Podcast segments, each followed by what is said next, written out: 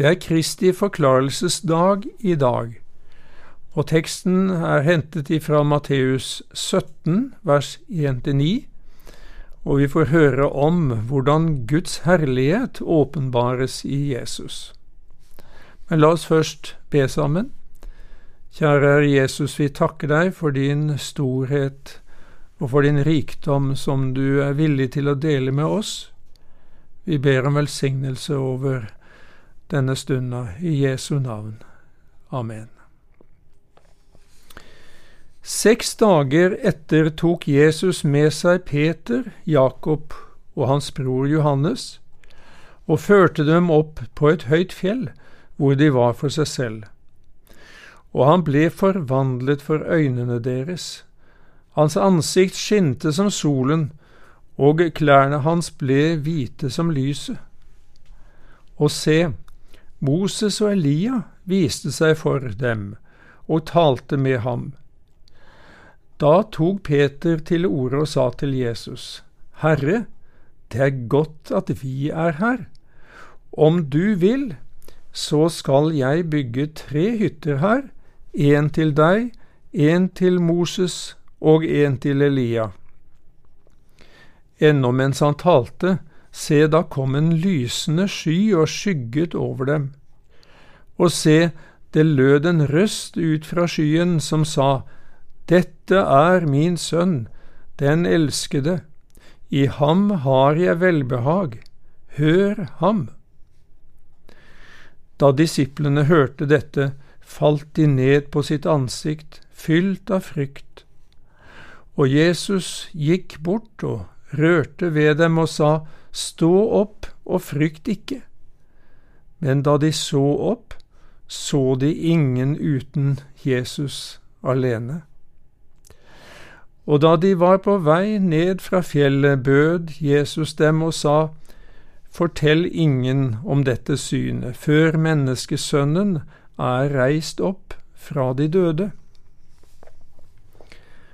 Herlighet, det er et ord vi forbinder med noe fint og flott. Det er eh, mye her i verden som vi kan kalle herlighet, men eh, ingenting kan måle seg med Guds herlighet i kvalitet og verdi.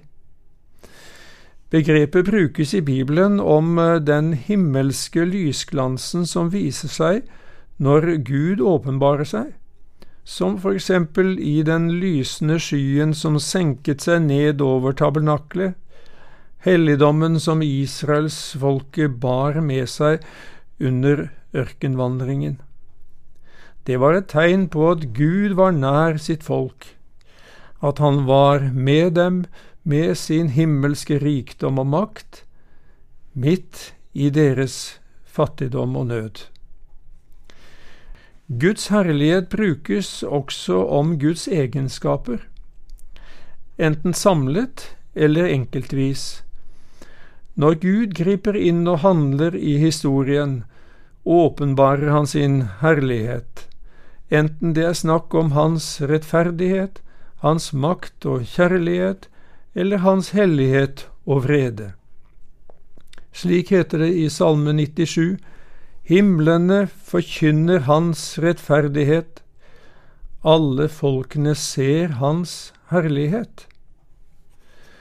Denne herligheten mistet vi da de første menneskene falt i synd. Alle har syndet og mangler Guds herlighet, heter det i Rombrevet 3. Vi mangler de grunnleggende kvalitetene som er nødvendige for at vi kan leve i samfunn med Gud. Vi passer ikke i Hans nærhet, enda mindre enn at vi kunne finne på å stille opp i middag på Slottet i de mest slitne og fillete klærne du kan tenke deg. Resultatet var gitt. Vi ville ikke komme inn. Slik er det også hos den himmelske kongen, lærer Jesus oss, ved å fortelle om han som prøvde seg med egne klær i kongesønnens bryllup. Han ble kastet ut, for han manglet bryllupsklærne. Han manglet Guds herlighet.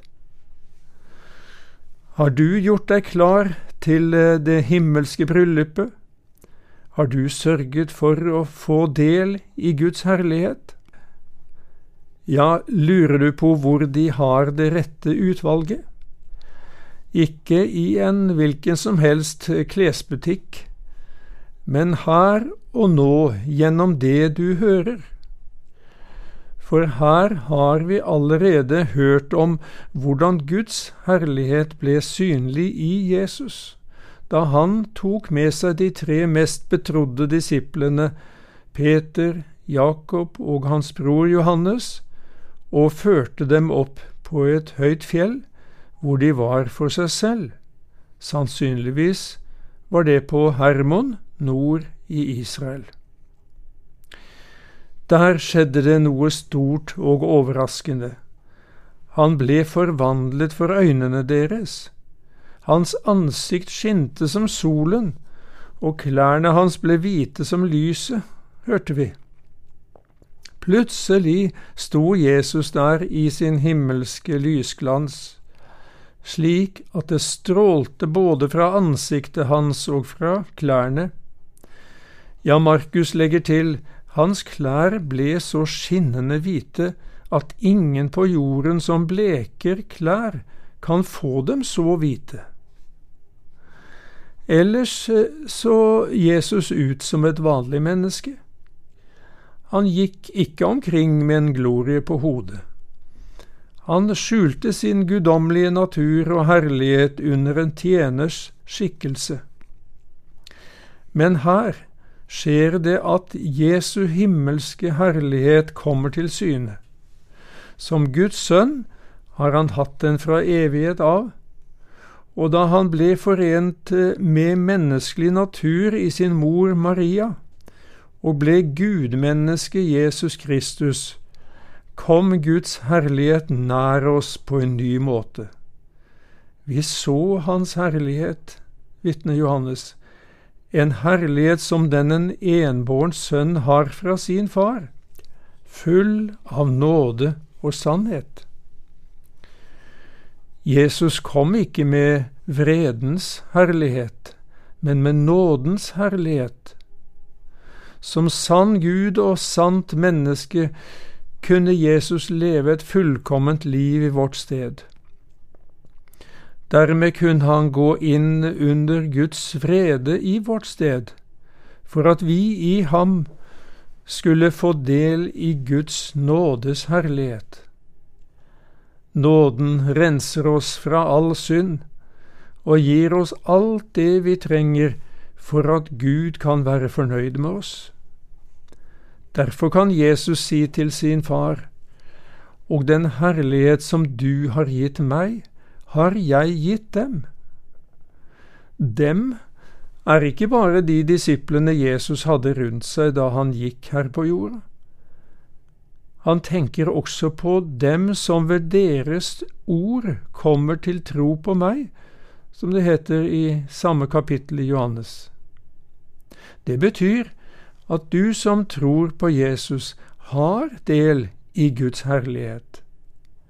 I Jesus Kristus er altså Guds herlighet tilgjengelig for oss. For det er fortsatt sant at alle dem som tok imot ham, altså Jesus, dem gav han rett til å bli Guds barn, de som tror på hans navn.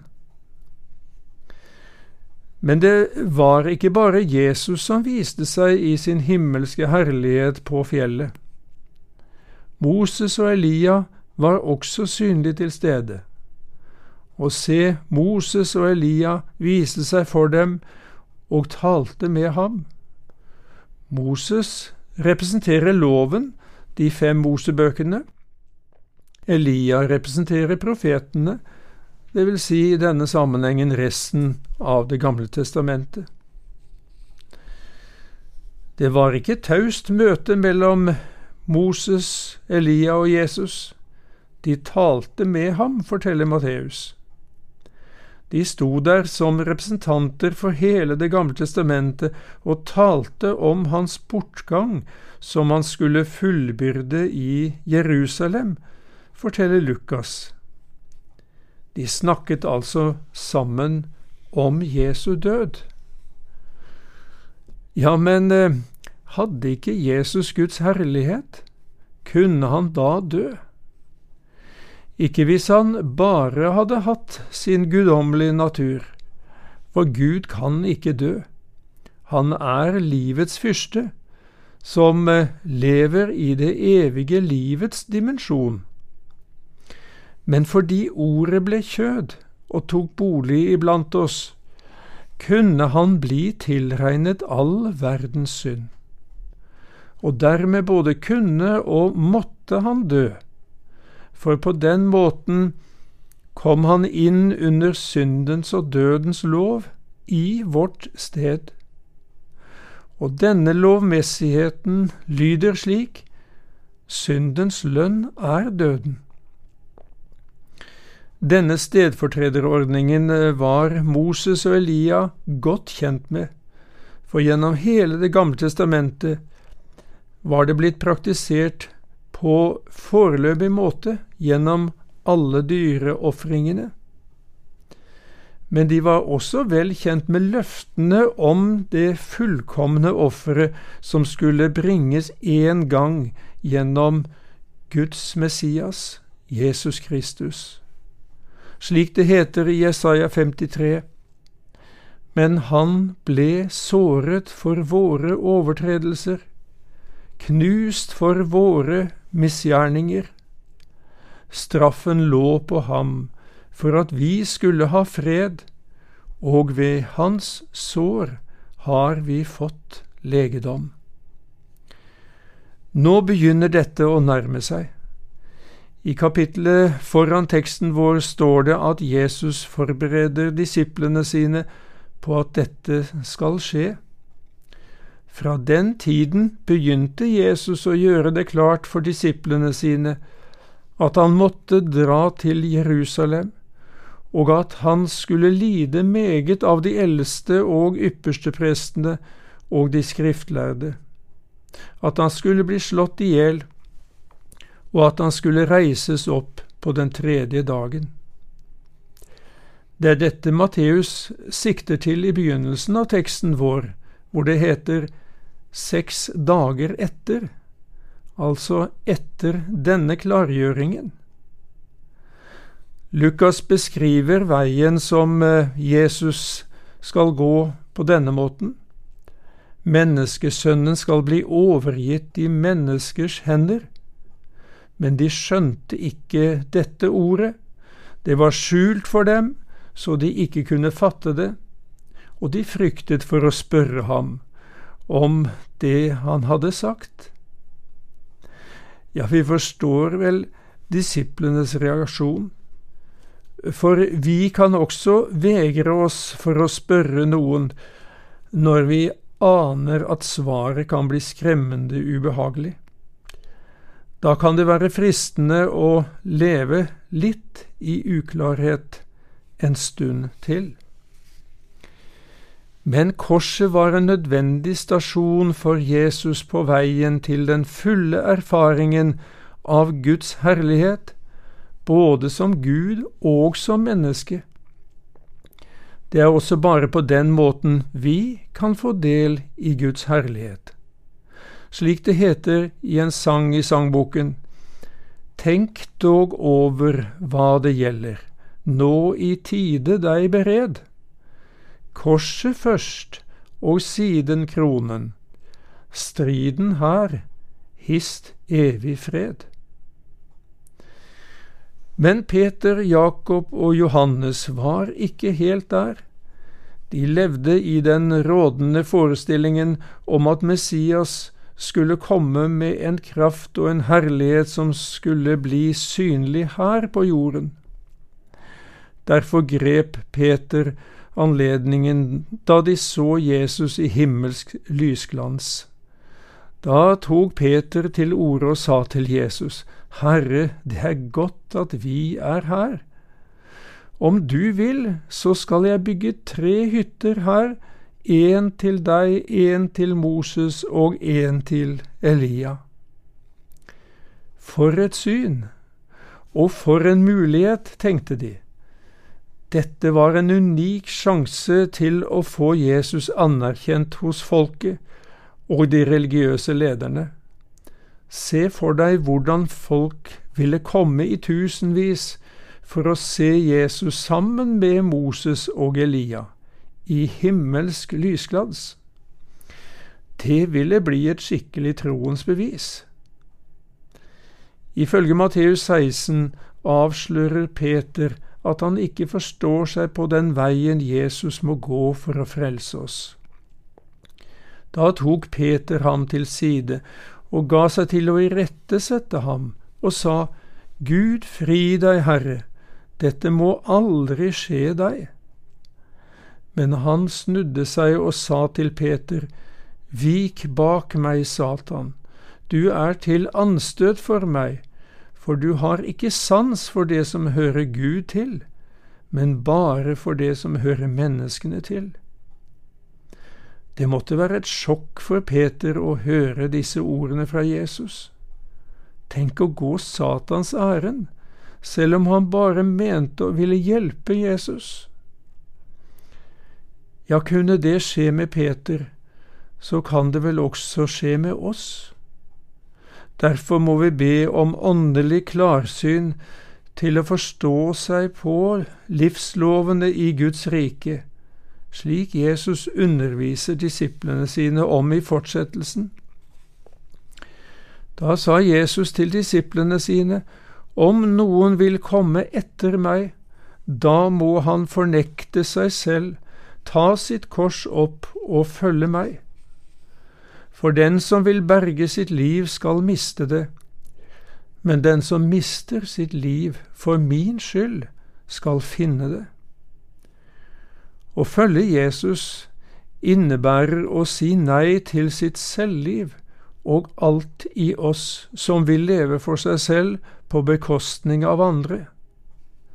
Det er så fristende for oss å tenke at det beste ville være å gå utenom lidelsen, gå utenom motgangen, gå utenom korset. Hvorfor ikke heller satse på det som er behagelig, på medgang, på herlighet?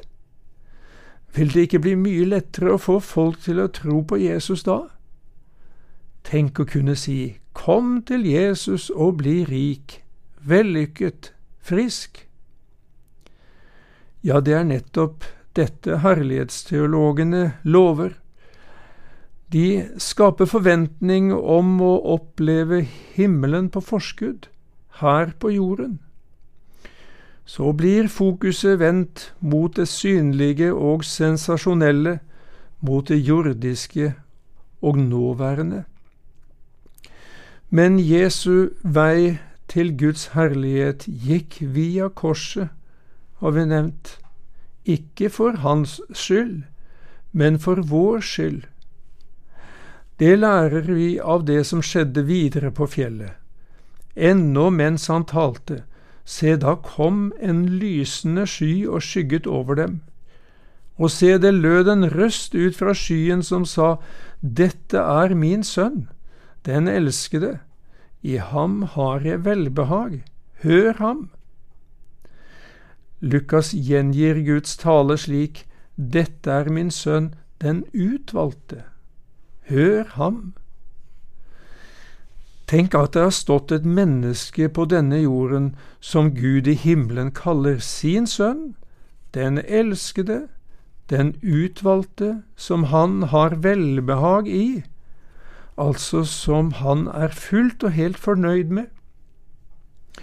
Og dette gjør han som vår stedfortreder, slik at Gud kan si det samme om hver den som tror på Jesus. Dette er min sønn, den elskede, i ham har jeg velbehag. Det var ikke rart at disiplene ble redde. Da disiplene hørte dette, falt de ned på sitt ansikt, fylt av frykt. Men Jesus gikk bort og rørte ved dem og sa, Stå opp, og frykt ikke. Der Jesus er nær, er det nemlig ingen grunn til å frykte. Det er bare ved tre anledninger i Jesu liv at Gud Fader taler slik til han fra himmelen. Det skjedde første gangen ved Jesu dåp, der han tok på seg ansvaret for alle syndene våre. Så var det her, etter at Jesus første gang har fortalt disiplene sine om veien til korset, hvor han skulle sone alle syndene våre. Og så på en av de siste dagene før påske, da Jesus ga uttrykk for angst i forhold til det som snart ventet han, og skulle møte den hellige Gud som om han var den eneste synderen i verden. Far, herliggjør ditt navn, ba han. Da kom det en røst fra himmelen. Jeg har herliggjort det, og jeg skal igjen herliggjøre det. Det tyder på at eh, for hver gang korset nærmet seg, der Jesus skulle dø for våre synder, trengte han en bekreftelse fra sin himmelske Far på at han like fullt var Guds utvalgte og elskede sønn, som ikke skulle bli sviktet for han fikk ære og herlighet av Gud Fader, skriver Peter, da en slik røst lød til ham fra den aller høyeste herlighet. Dette er min sønn, den elskede, som jeg har behag i. Dette er korsteologiens vei til herlighet. Korset først, og siden kronen. Slik var det for Jesus, og slik er det for hver den som vil følge Han. Guds herlighet er noe vi eier i tro på Hans ord. Så lenge vi er her på jorden, møter det oss kors og trengsel på forskjellige måter. Det koster å følge meg, vil Jesus si til oss i dag. Du må fornekte deg selv, Si nei til ditt syndige og egoistiske jeg.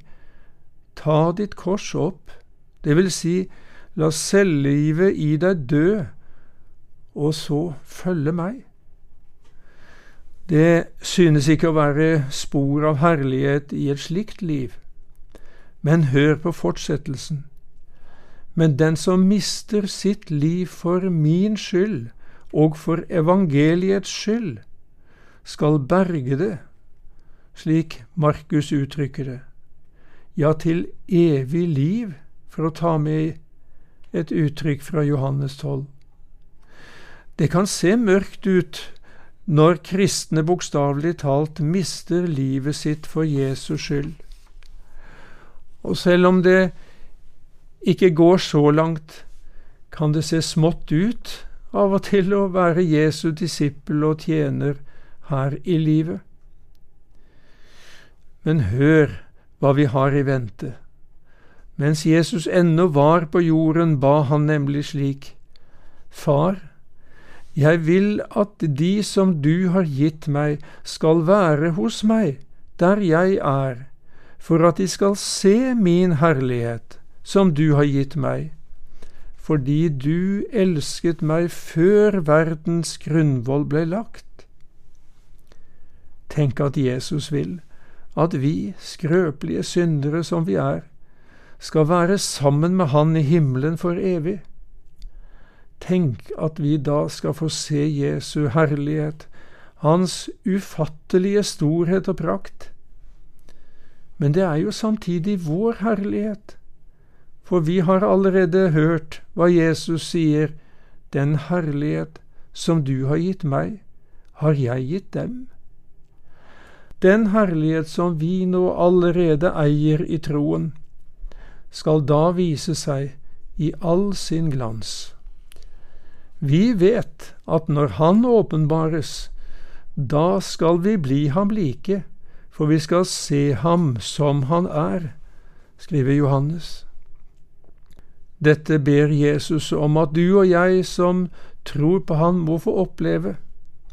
Han vet mye bedre enn oss hva det dreier seg om. Derfor må vi ikke hindre Han i å bli bønnhørt. Og vi må stille oss til tjeneste for Han, slik at mange flere kan få del i Jesu herlighet for evig. Jesu disipler ble stående igjen med Jesus alene. Men da de så opp, så de ingen uten Jesus alene. Det er også det viktigste vi kan fokusere på, inntil målet er nådd i Guds herlighet. Amen.